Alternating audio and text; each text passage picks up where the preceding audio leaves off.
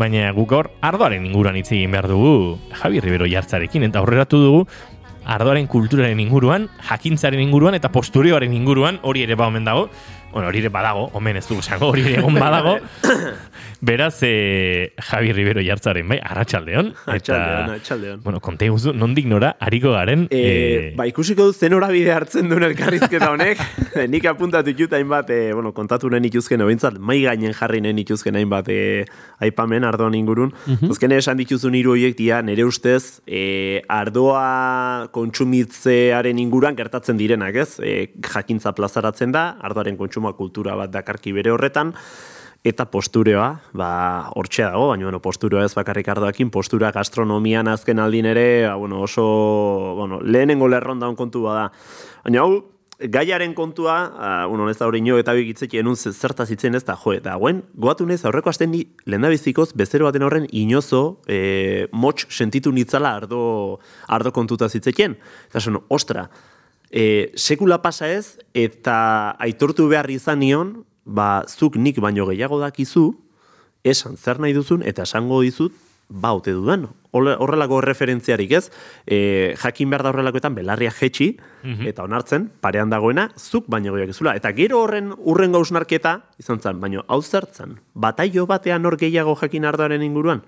Esan duen, ostras, eta horrek pentsaratzen induen da, esatero, joe, zenolako iztegi ardoa kontsumitzeko giro sortzen dugun gu geuk, jendeak kanporatuta sentitzeko e, sekulako arrisko eguna eta gero ardoaren kultura defenditu nahi badugu, ardoaren kontsumo hori defenditu nahi badugu, mm, bueno, nola e, alde positiboa geho baloren jarriaz, ba, zaila da, ez? E, jendea baztertuta sentiarazte badeu. Eta ni lehen da biziko sentitu nintzen nere etxen, esan, e, ba, zure esku, eakutsi dazu, eta benetan, zindagizu, nik ikasiko tela, zuk eakutsitako horretatik Eta, bueno, gertatu zitzaidan, da, hoi gertatuta, ba, zen ez esatea, e, gure hausnarketare bada, ba, gure batzutan, agian, gure intentzio gonenakin badare, bezero bat, e, motx sentiarazteko arriskun erori gaitezkela, ez? Azkenen informazioa eukitze deu, informazioa helarazin nahi dio bezeroai, baina agian bezeroak ez digu lertzen.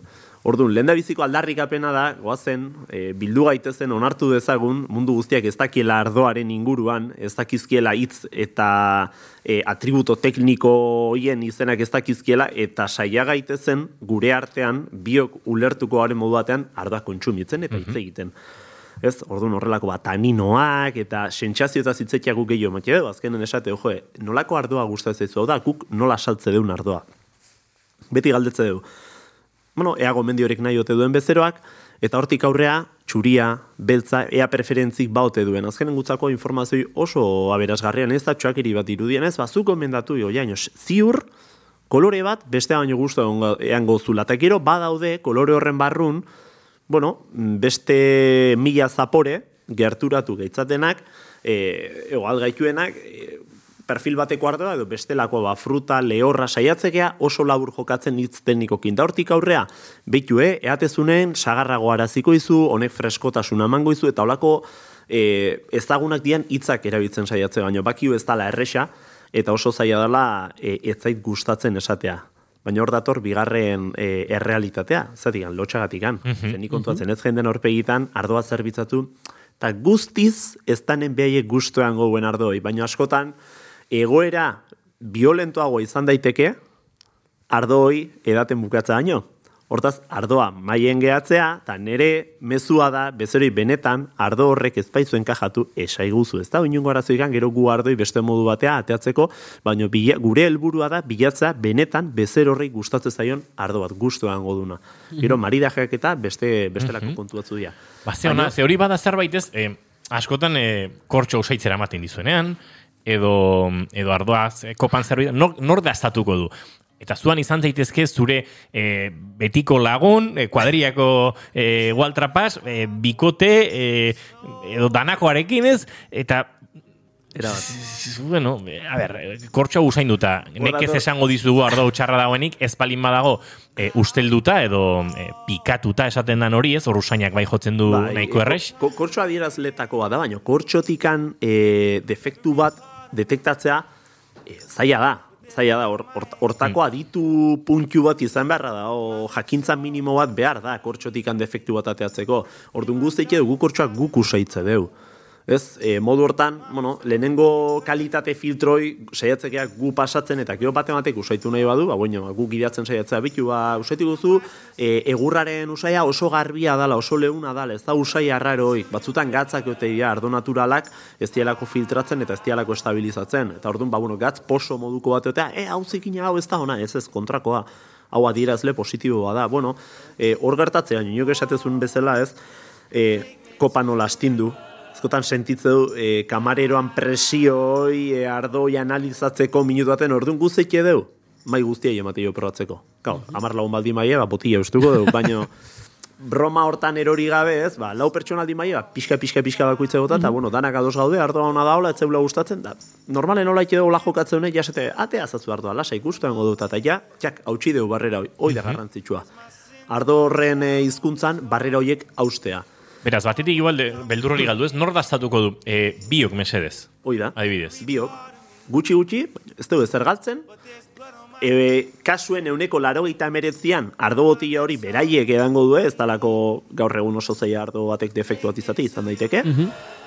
Oso zaila esatea, ez zait gustatzen hitzein duen horrengatikan, kasu hortan, ba, saiatu behar deuna, e, ikuste du hasieran ez dula ardoi gozatzen, ardoi gozarazi dezaten bat artean beste kopatxoren bat sartu, bat detaile bat euki bezer horrekin, gu saiatzea modu hortan jokatzen ez, ardoa izan dadin esperientzia positibo bat.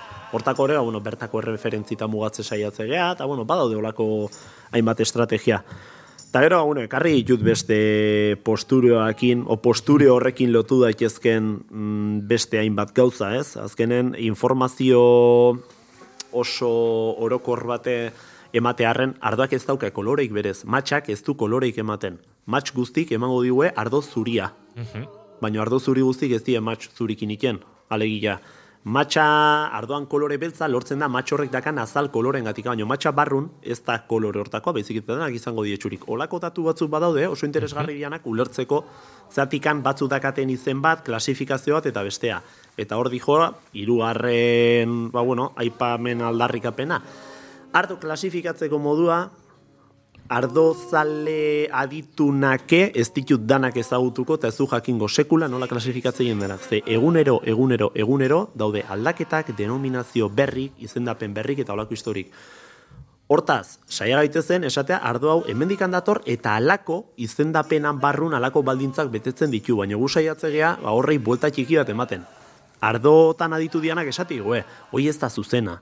Ja, zuen edo existitzen, bueno, legean arabera, ba, beste modu batea komunikatu daiteke, baina komunikatzea zaigia.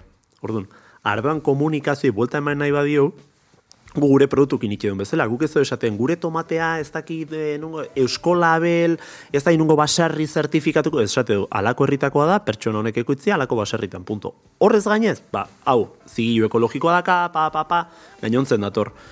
Baina, bueno, be, saiatu nahiko genuke horrei bolta txiki bat ematen, ba, herria izendatzen, ez bakarrikan ingurua, baizik eta herria izena, ekoizlek, berdin jokatzen, janakin itxedun bezala. Eta gero, ba, bueno, badaude kuriosia batzuk, adibidez, ba, topaikia nundikan jaiotzen baldak izuezuek.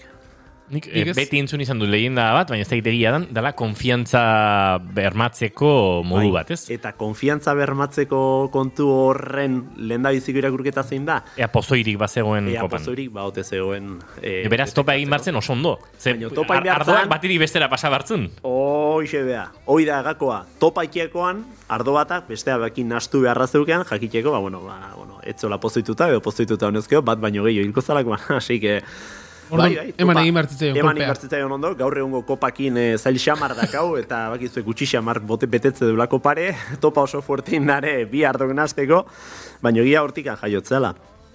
Gio, e, joder, kontatuko izu edola kuriosia bezala, e, bakizu ardoakin behin kapen kontuk eta, bueno, existitzeiala guri behin gertatu zitzaiguna bezeroatik, ondikan sekula ez aztuko, eta ni uste bertan lan den danak eh, ez deula aztuko. E, bezero batek eskatu zigun ala, ba, botila txukun xamar bate irikitzekoa, ez, bueno, iriki genion, dastatzeko eman genion, eta bera dastatu ordez lurrea botatzen. Ikien da, arek hartu, lurrea botatzen da esan, ala, behin du lurra, bueno, atea zazu ardoa. Biatu ikan horpegi batekin, esan, ardoa, eta nien jo ginen, da, ez du bezu lertu. Lur guztia ziprestin duta, antxe gatu zan lurra, esaten dut, ze pasa da. Ala segiatu ginen. Gero entzatu ginen, ba, bueno, ba, gara baten ez dakit nungo zeatan, otxura zala egun hortan, modu hortan behinkatzea lurra, eta ah, bai, eh? eta beste zen, uh. Jesus, haure etorri zeutaka, gu taberna txikia da, ez dut zezue. Imaginatu, ardo kopa lurrea bota, ba, taberna erdia blai. Bai, eta, eta inori e, galtza edo gona zikindu etzionean e, nahikoa. Bai, bai, nik esan, gaitza ardi. Gaitza nionari, da, paeta zikindu zituen, galtzak ez, zaino paeta ziprestintzez bete zitzaigun, garbitu genuen, Antxe, gatu zen anekdota bezala, eta geho kontuatu ginen zadik aneko, bueno, jendea ere e, aldarri txiki bat, eskak izun txiki bat, saiatu olako gauzak etxen iken da. ez este baten. Bai, edo, terraz, edo terraza baten, igual, ez? E, bueno, espaloia pixka tardoz bustitzeak ez diola inungo kalterik egingo, baino. Bai, bai, bai, Eta hori ere bada, ez? E, zuzure etxean egintzazune duzuna, baina, besteren etxera joan da, zer dakizu etxe horretan lurra bedinkatu nahi dute duten edo zuten nahi duten bedinkatu. Sampan karazio txiki ba aukeu guzen, jo, no ekin ikusiko zuen sampan karazioan goranda esan zuen. Hau da lekua, hau da lekua.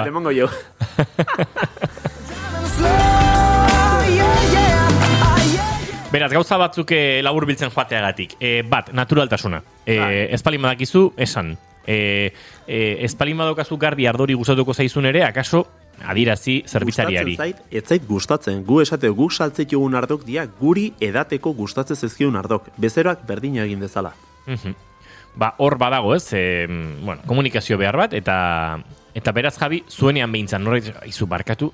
Nik uste hori ere kontu bat badala, ez? Humiltasun hori e, igual konfunditu naiz. Ez? Eskatu dizut ardo bat, baina ez zait, gustatzen ari edo okerra aukeratu dut. Ui, da, gu askotan eskaintze deu, ba, botila bat eskatze duen garaien adibidez, ba, inungo momentu nik uste datzue, ez dezuela ardonekin jarraitu nahi, esan, eta botila zaldatuko deu, eta gu botila horrei emango jortera, eta botila erdia kobratuko izeu, edo kopaka kalkulatuko, baina emango mm -hmm. dio irten bidatego era honi. Ez da ia izan, ba... Ez, ez sufritu. Oi da, oi da. ardo bat, erabat eh, kontrako gustoti eh, balin badaukazu, erabat eh, eroso sentiera, ez eroso sentierazten bazaitu, horrek afari izorra diezazuk, eta hori ez da buru, ez? Eta gero dago, e, azkeneko kontu bat, baina enukena plaza, gaur egun, ardon estilok, ez, ardo motak horren anitzak eta horren zabalak dia inguru berdin baten, inguru bera baten, E, eta ez gaitezen erori, txakolina beti da txakolina, arabara rioxa beti da arabara rioxa, gaur egun txakolinak daude, frantziko ardo txurin antzadakatenak, e, e, Andaluziako ardo baten itxura auki dezaketenak, eta txakolina dianak, baina txakoli guztik ez diagoen dela marruteko txakolin zorrotz, eta e, apardun puntu horrekin, bai, txinparta, horrekin. Orduan, ez gaitezen erori, olako klasifikazio, olako sailkapen... Azidotasuna ere ikara harri galdu dute orokorrean, orduan denak oso azidoak ziren. Horren dia ardo mota, match, mota guztik, eta horren estilo ezberdin daude, horren, ba, bueno, oixe, osa ez erortzeko hortan, ez, txakolina ez, e, geho gu porratzeko mateio esan gai txakolina eta asko flipatu, hau txakolina alda. Bai. Eta gustatzen zait, ala, eta derrepente, be, behaien, ez, e, gustoitan, tik bat itxo, eta txakolinak gustatzen zait. Ean de txakolina, lehen da biziko, mm -hmm. olako zeak gertatzi asko. Bai, oso txakoli komplexua daude, gaur egun, gozoagoak, eta... Gure burua selkatu, hau gustatzen zait, hau ez zait gustatzen bezik, eta uzi ez egun hartotaz, momentu hortan, aditu omen dan horrei, ba, bueno, e, gomendioa mandezan. Gero, kolorearekin adiaz jabi ere, badaude e, muga, e, akaso zurrunegi batzuk, ez? E, adibidez, txuria txuri eta beltza beltz baina horra badaude e, begiak itxita egiten diren probak, begiak eta sudurrak itxita egiten direnak, eta hor ardoak hasten dira danak ardo izaten, ardo eta puntu. Are, gehiago esango dizut, e, olako tastak eta profesionaletan, txapelketatan, e, normalen izena ematen duen jendeak, antolakuntzari sinarazte dio papel bat notaritza edo abokatu baten aurren, nun ez dian engainatuak izango behiek ez dielako be buruaz fido. Pentsa, dastamena zen olako indarra izan dezaken, eta burmuinen ze irudi edo zardo irudikatu dezakegun dastamenan bitartez. Mm Alegia, zuk esatezuna, badaude ardo txuri batzuk guk esateuna, beltz baten papera jokatu dezaketenak, mhm. eta ardo beltzak txuri baten papera jokatu dezaketenak. Hortaz, ez gaitezen koloreen selkapen hortan erori. Pixo asko du egurrak Bai, bai. Txuria egurreti pasaba da, bai, edo ez da. beste familia eta beste zaporeoa gehitzen zaio, ardoari gehitzen dio, ba, bueno, kontserbaziorako alako almen bat sortzen zaio ardoari, non, bueno, taninoak eta horrelakoak e, ba, bueno, gehitzen zezkion, e, potentziatzen indartzen zezkion, eta horrek emate dio, e, ba, bueno, almen bat ardo horrei denboran gehiago irauteko.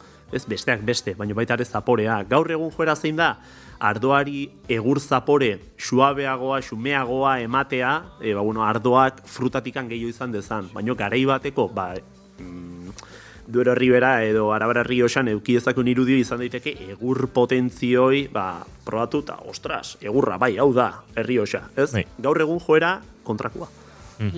Ardoak e, kolor aldetik harinagoak ere, gorputz aldetik, ez? E, Bai, hor, hor gako izatea normalen, e, matxak azalekin zenbat denbora pasatzen duen e, mazerazio prozesu hortan, lehen esaten una, ez? Azkenen lehen biziko mosto hori beti da txuria, no, txuri kolorea arroxa kolore izan dezake matx beltzan garaien, baino gero, e, azalekin ustean denbora hortan, kolore gehiago edo gutxigo hartuko du mostorrek, eta modu hortan jokatuko du, ba, zaporea modu bateko edo besteko izango dena.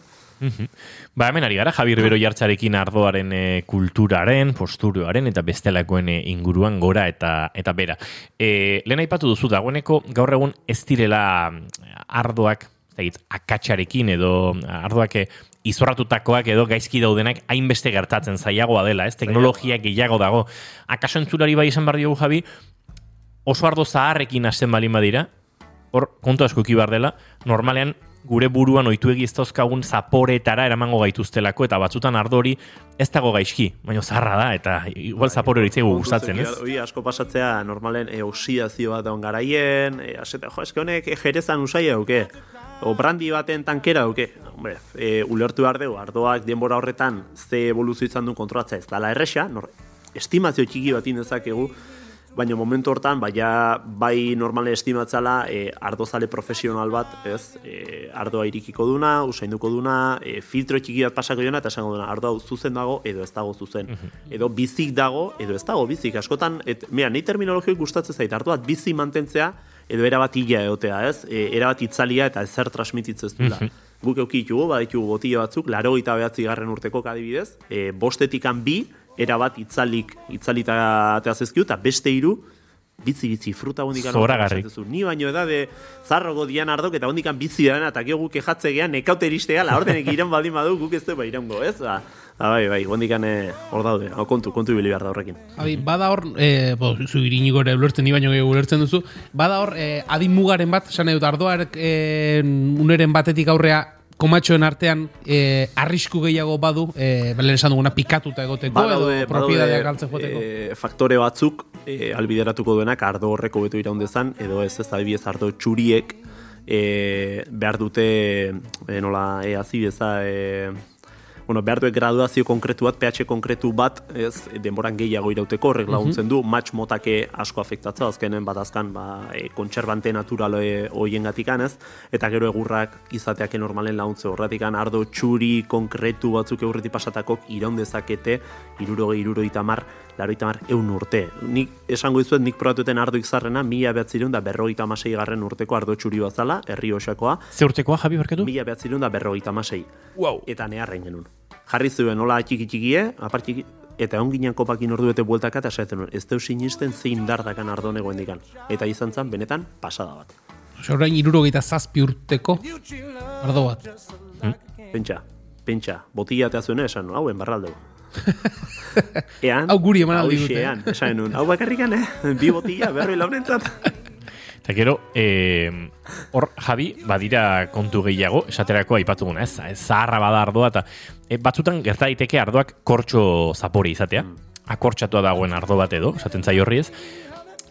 E, hor ere jakin behar da desberdintzen, ez? Baina Bai. ardoa bestela ondo aldago, ez dago, e, kortxo zaporea badu da kortxoak ez duela ondo, e, ondo zahartu eta ez dagoela on- erabat ondo. moti- Motio baino, netzak hor, e, izan daiteke defekto bat detektatzeko, bo, bueno, igual, defektoik errexena, ez? E, kortxoak oso usai e, berezkoa duelako, eta oso errexea dalako kortxo bat usaindu, eta ardoan, ardo hortan bertan, kopa usaindu, eta esatea, mm, hemen bada zerbait, e, egon behar ez lukena. Eta kasu hortan ez izan beldurrik esateko orde ardo honek kortxo auke, ez? Nik batei entzun nion. Hoxe kortxoa nola nahi, ba boti etxi bestela. ez? bueno, ba, bai, bai, bai, bai, baino ardo ez da ondo, aldatu diak favorez, ez? Baina bai, bai, egia da, e, lotxa galdu, e, ardo horrek kortxo aldi mauke, kortxo usaia baldin badu kopatikan ateatzean aroma horrek, e, ez dago zuzen, ez da ardo horretan nahi deun usaietako bat. Eta usai horrek ingo diolako kontra oso ondia, berez, ardo horretan nahi diteun, ba, bueno, e, alako zapore hoiei, ez? E, asko tapatzen du, kortxoa oso oso invasiboa baita. Vale, beraz, e, kortxo traza balin badu, akaso ardorrek ez du balio. Bai, bai, bai, eta eskatu, e, ardoa saldu dizuen pertsona horrek usain duko du, eta uno formazio pixkat baldin mauke bintzat, seitun igerriko dio horreke bai. Wonder if she's gone to stay. Ain't no sunshine when she's gone, and this house just ain't no home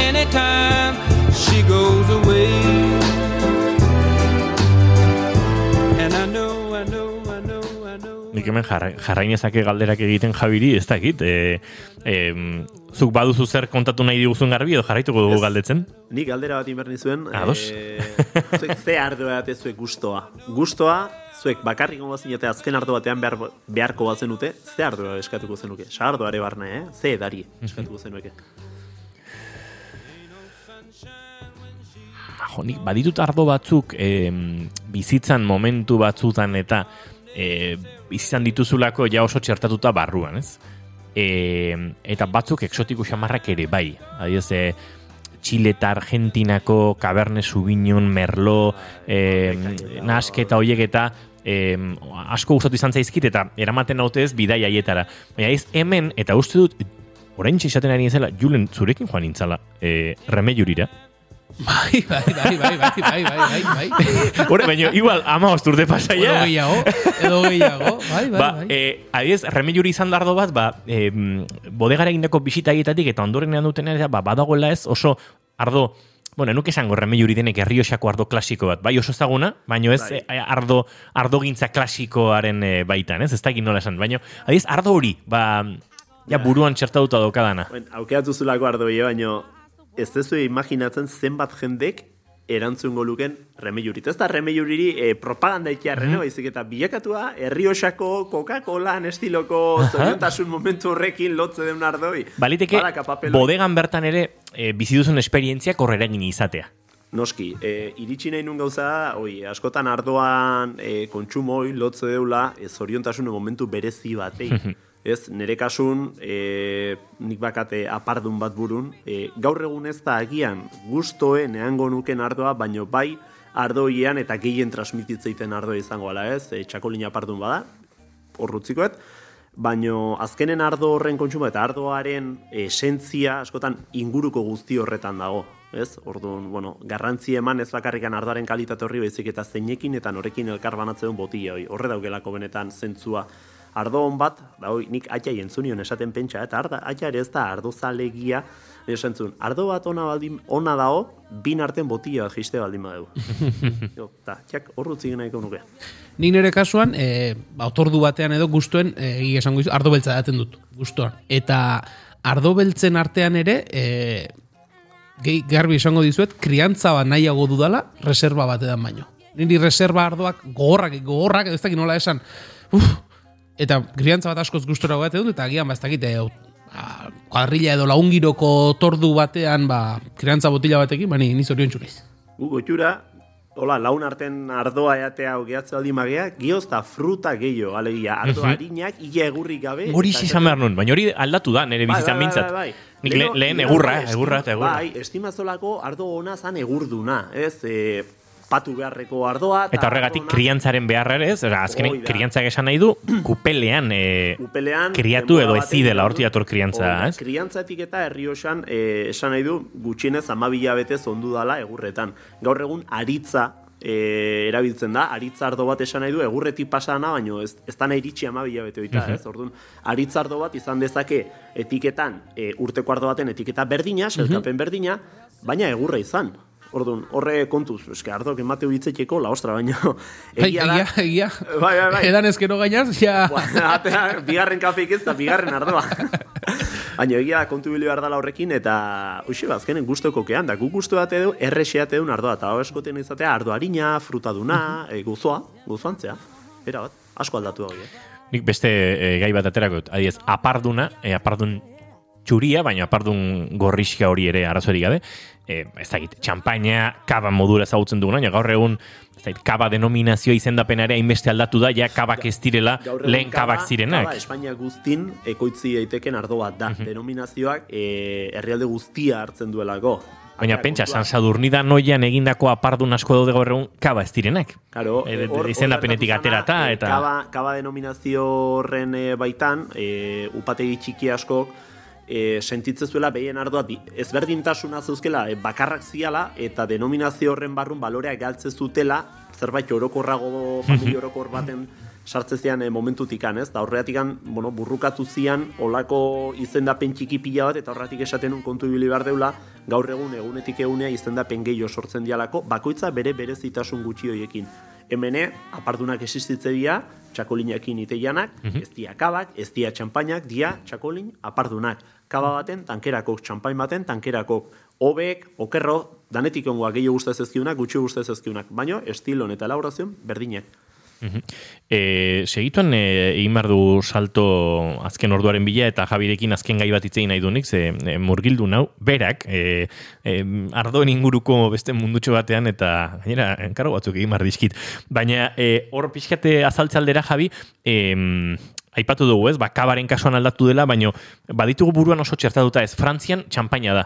Bueno, Frantzian txampaina da, Frantzian apardun asko daude txampaina ez direnak. Txampaina eskualde bada, baina hortik kanpo akaso kalitate prezio asko zobean ere lorditzak egun e, apardun asko daudela, ez? Aztaki bat, gu e, tabernerik ienun garaien, esaten un ju ez, ez dakau tiketa txampain bat saltzeko, baina apardun frantses bat nahiko, genuk eta horrik hasi genuen e, erosten txampainan denominaziotikan azkenen txampaina, ba, bueno, lerro bat irudikatu, txampainan ingurun, eta hortikan kilometro batea zeon upategi batetikan ekartzen un ardoa. Karo, klima berdina, lurra berdina, denominazioa ezberdina, eta prezioa lau aldiz merkegua. Ardoa, brutala, osona. Eta horre hosien adiez, kremant de borgoña. Kremant bat esan nahi du aparduna, eta gu, ba, borgoñako apardun bat ekartze genuen. Claro, borgoñake badu bere izena. Baina zer ikusik ez. Aparduna elaboratzeko garaien, baitare matx beltzakin, e, matx beltzakin indako apardun zuri bat, hor daude beste selkapen batzuk, eta zer ikusik ez. Eta hor azkeneko gai bat, e, bueno, eno esatea meloi bat irikita utzik dut beste bateako, e, ardoaren prezioa eta ardoaren kalitatea ez da beti ez dakit, ez da iruko erregela bat. Segi, barkatu Javi, eskari nintzen, bai, hor- hor- hori da, esan Bai, bartzen bai, bai, horta, oi, oi nahi nun bota, ez, ez da beti harreman dute, ez da harreman zuzen bat beti. Eta oso lotuta dago zuen gustuarekin. Era bat. Eta kontatuko dut, igandean pasaizaian eh, anekdota bat. Jatetxe batean nengoen, eta ardo karta ikusten pentsatu nuen, jo, amaren bat hartu nahi dut. Ba, nuen gauzatxo bat eh, ospatu nahia, eta amaren eh, botila bat eskatuko dut barkatu. Nik amaren ardoa ezagutu nuen, ama tabernan, eh, gabiren eskutik. Eta etorri zen eh, zerbitzaria, eta esan zidan, baina zein nahi zu, eh, amaren normala, edo eh, badago beste Bai, beste bat, etxalde ez da gureko- nola ez da, bai. Eta, ba, zalantzan jarri nindun, e, bai, ze berezia da, eta igual, e, oso goxoa da, eta, bueno, ba, probatu ingo, de, egia esan bizitza ere probatzeko dago, aterazun ardoa, esan, bale, ardoa ondo dago, baina nik nahi nuen amarena, pixka bat merkegoa gainera bazena, bai, baina, bueno, prezioan ez zegoen alako e, gehiago gustatzen zait. Hobea zein da?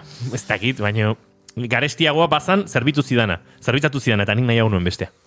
Hoi gertatzei, horratikan mugatzen ikasi behar deu, gehiago gustatzen zait, ez zait horren beste gustatzen horta. Eta gero ikasi behar deu, ba, batek balore bat izango dula, ordaintzeko prestengo geana, batzutan ez, batzutan ulertuko eta bestetan ez. Baina ardoan mundua gu geu sortu duguna, baino askozaze sinplegoa dan zerbait da. Gozamena mugatu leikena.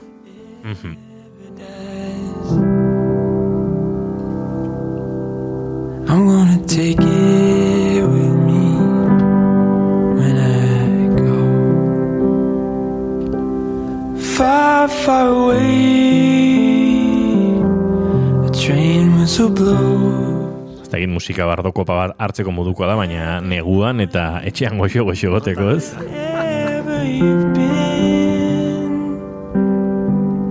Waving goodbye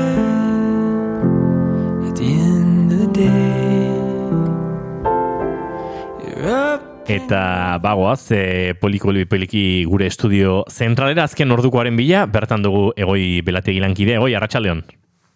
Baita zuei ere, azken ordukoa lan arloa tirakakoa, bi lan istripu izan ditugulako azken orduetan Euskal Herrian berrogeita mabi urteko langile bat larri eraman dute ospitalera, noain eskirotz tren geltokian maniobrak egiten ari zen trenak, hanka harrapatuta. Bestalde, altxasuko sunzundegi autobus enpresan beste langile bat zauritu dela, jakin dugu gaur goizean. Lan arloari tiraka, badakizue, gaurko eguna, borrokarako eguna zutela Ipar Euskal Herrian bezala baita Frantziar estatu osoan ere, eta zentzorretan esatea milaka lagun atera direla kalera gaur, baionan, Frantziar estatu osoan erretreten erreformaren aurkako grebaren arira. Hogeita iru mila lagun elkartu dira, intersindikalak eskainitako bilanaren arabera, garraio publikoan eta hezkuntzan eragin handia izan duran uzeak bereziki. Protestak jarraipene izango du datozen egunetan eta baita datozen orduetan ere arratsaldeko oseietan aterako delako mobilizazio berri bat kasu honetan basena farroan izango da Dona Paleon. Baionako manifestazio horretara e, bueltatu, zuarkatu, ba, esango dugu, labeko argitzu dufok, borroka gogortzaren alde egin duela. Doinuz ate, uh, altzatu behar dugula, ez, eh, jatekotan, eta beraz gaur, ez da abiatze, abiatze bat, zeren are, beste egun mobilizazioak izan dira, baina badakigu are, indar bat gehiago eh, erakutsi behar dugula, eta hori zangaitik, zeren azken finean ez dira entzunak, eta guk gure aldarrikapena ez da aldatu. Erretreta, erreforma hori bertan behera utzi behar du Macronek. Eta hori egin arte mobilizatuak egonen gira, eta beraz, ba, bai gaur eta ondoko egunetan noski. Nazioartean azken aipamentsoa badakigulako azken hilotan eko bero dagola giroa nazioartean eta badirudi azken orduetan ba gradu bat gora egin duela temperatura horrek txinak ukatu egin duelako errusiari armak saldu izana eta moskurekin duen harreman estua beste herrialdeentzat mehatxu ez dela ziurtatu du Ameriketako estatu batuen aurka gogor egitearekin batera. Txingan atzerri ministro berriak estatu batuei leporatu die krisiak auspotzea Txina ahultzeko helburuz. 中俄呢走成功的走出了 Edabiden aurrean egin duen lehen agerraldi ofizialean errusiarekiko harremanak defendatu ditu txingan atzerri ministro berriak munduaren multipolarizazioa sustatzen dutelako eta elkarrekiko konfiantza estrategikoan eta auzotasun honean oinarritzen direlako. Aldiz eta Taiwani erreferentze ginez estatu batuei leporatu die bere barne arazoetan esku hartzea eta honako galdera hauek bota ditu atzerri ministroak. Zergatik Ameriketako estatu batuek ez dute errespetatzen Txinaren subiranotasuna Taiwanen gauzian eta Ukrainaren subiranotasuna errespetatzen duela erakusteko eskatzen dio Txinari. Eta horrekin batera zergatik bidaltzen dituen armak Taiwanera estatu batuek eta Errusiari armak ez bidaltzeko eskatzen dio Txinari horixe bera galetu du Txinako atzerri ministro berriak. Agur esan baino lehen, beti bezala badakizue informazio praktikoari begiratu behar diogula, eta zentorretan esatea istripoa izan dela, nazional 6 iruzortzi errepidean, ondarribian, bertan itxita, unionetan errepidetan binorantzetan, beraz, arretaz gidatu mesedez. Hau dena momentuz, informazio gehiago seitatik aurrera, eta horrentxe bertan, konexio, konexioa, barkatu, bueltatzen diogu, bigarren kafeari, gero arte.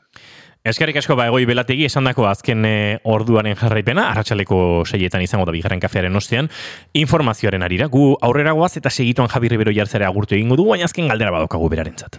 Oikoa jurtu da Gau bat elkarrekin pasa Mezu bat Idaltzea Hortik biegunetara Gurkak esan du, ostras, egoi belategi, ze guapo, en un espero. Haupa Javi Rivero, makina. Ba, ba hoxe, Javi, haupa, haupai.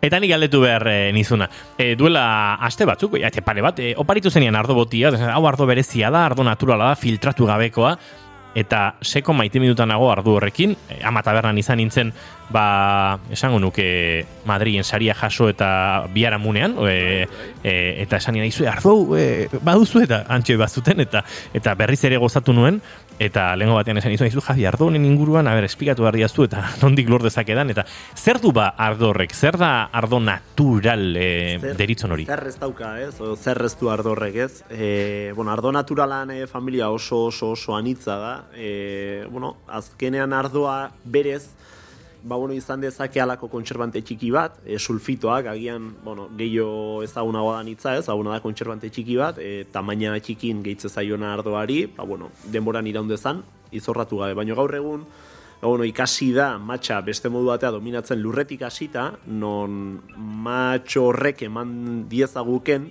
kontserbatzeko almen hori, ba, bueno, edo botillari eman aldion, ez, kontserbatzeko almena. Horrek zesan nahi du, ba, botilla batzutan topatu dezakegula gaur egun matxa eta punto. Alegia, matx zukua eta beste zerrez. Alegia, ardo natural bat.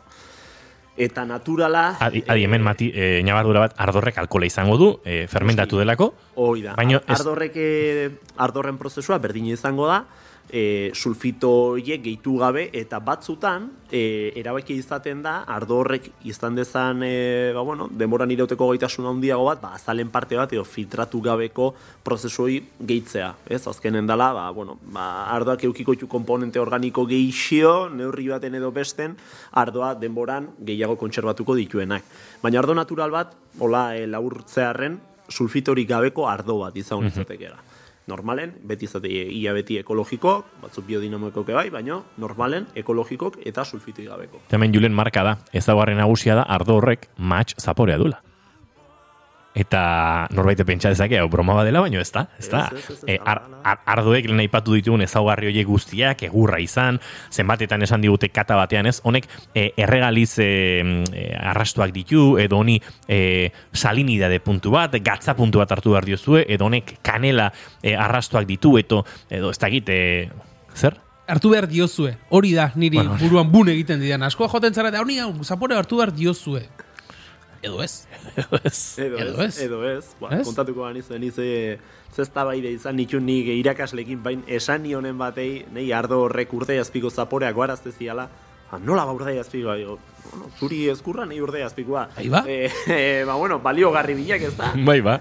Da, bueno, azken horretik oso subjetiboan kontua da, baina ardo naturalake kontu ibili behar duze, bueno, ardo naturalen munduare oso zabala da, ardo natural batzuk arrotzago, edo radikalago Mhm, jokatzeue, eta batzutan topatu ditzakegu zaporek, nahiz eta zuzenak izan arrotz ingo zezkiunak gabon, eta beste batzuk, ba, ja dominatzeue asko ardorren teknika, eta oso ardo gozagarrik ititue, ba, ibez, eantzen Mhm. noi bezalakoa, netzako, mm, ba, bueno, beste nivel baten jokatzen jende batek itun ardo dala.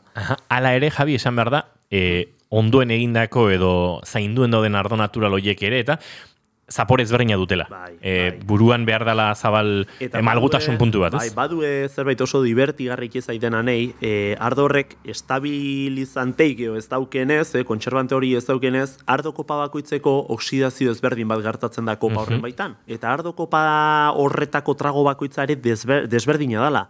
Zapore bera baten barrun, matiz ezberdinak Bai, asko ez da- zeio ez nabarmentzen. da radikalki aldatuko, baina Hoi da, hoi da. Orduan, bueno, divertigarri hori ardo naturalak. Oso divertigarrik. E, baina guk aurrera egin behar dugu, eta oso gustora gara, Javi Ribero jartzarekin ardoaren inguruan aritzen, noraite pentsatuko dut, tira, hauek egin dute, ardoari buruz zerbait dakitenaren planta, julen eta inigoren atik diot, zu eta negatik. Bai, bai, bai, bai. Baina, baina tira, ba, Javik zertxo bai gehiago badaki, eta eta bintzate hurbildu gara, bueno, ba, gauzatxo batzuk ezagutzera, eta jatetxe batean ere ardoarekin ze jarrera izan ditzakegun, edo ulertzera. Ez bota lurrera, e, ba, zera, e, lurra bedinkatzeko, baina ardoa gustatzen ez pazaizue, akaso, itzein dezakezue, aizue, hau. Beste. lezio bat atera dut. Ez egin flipatuarena. Amen. Amen. ba, gu hor, eh, ez, gu, zu hor, eta gu hemen, ze guk aurrera jarraitu behar dugu bigarren kafean eta zu bazuaz. Javi Ribero jartza, eskerrik asko, eta laizter arte. Aio. Arte.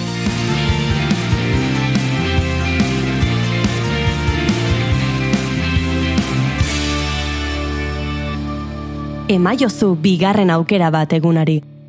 Naiz irratian, bigarren kafea.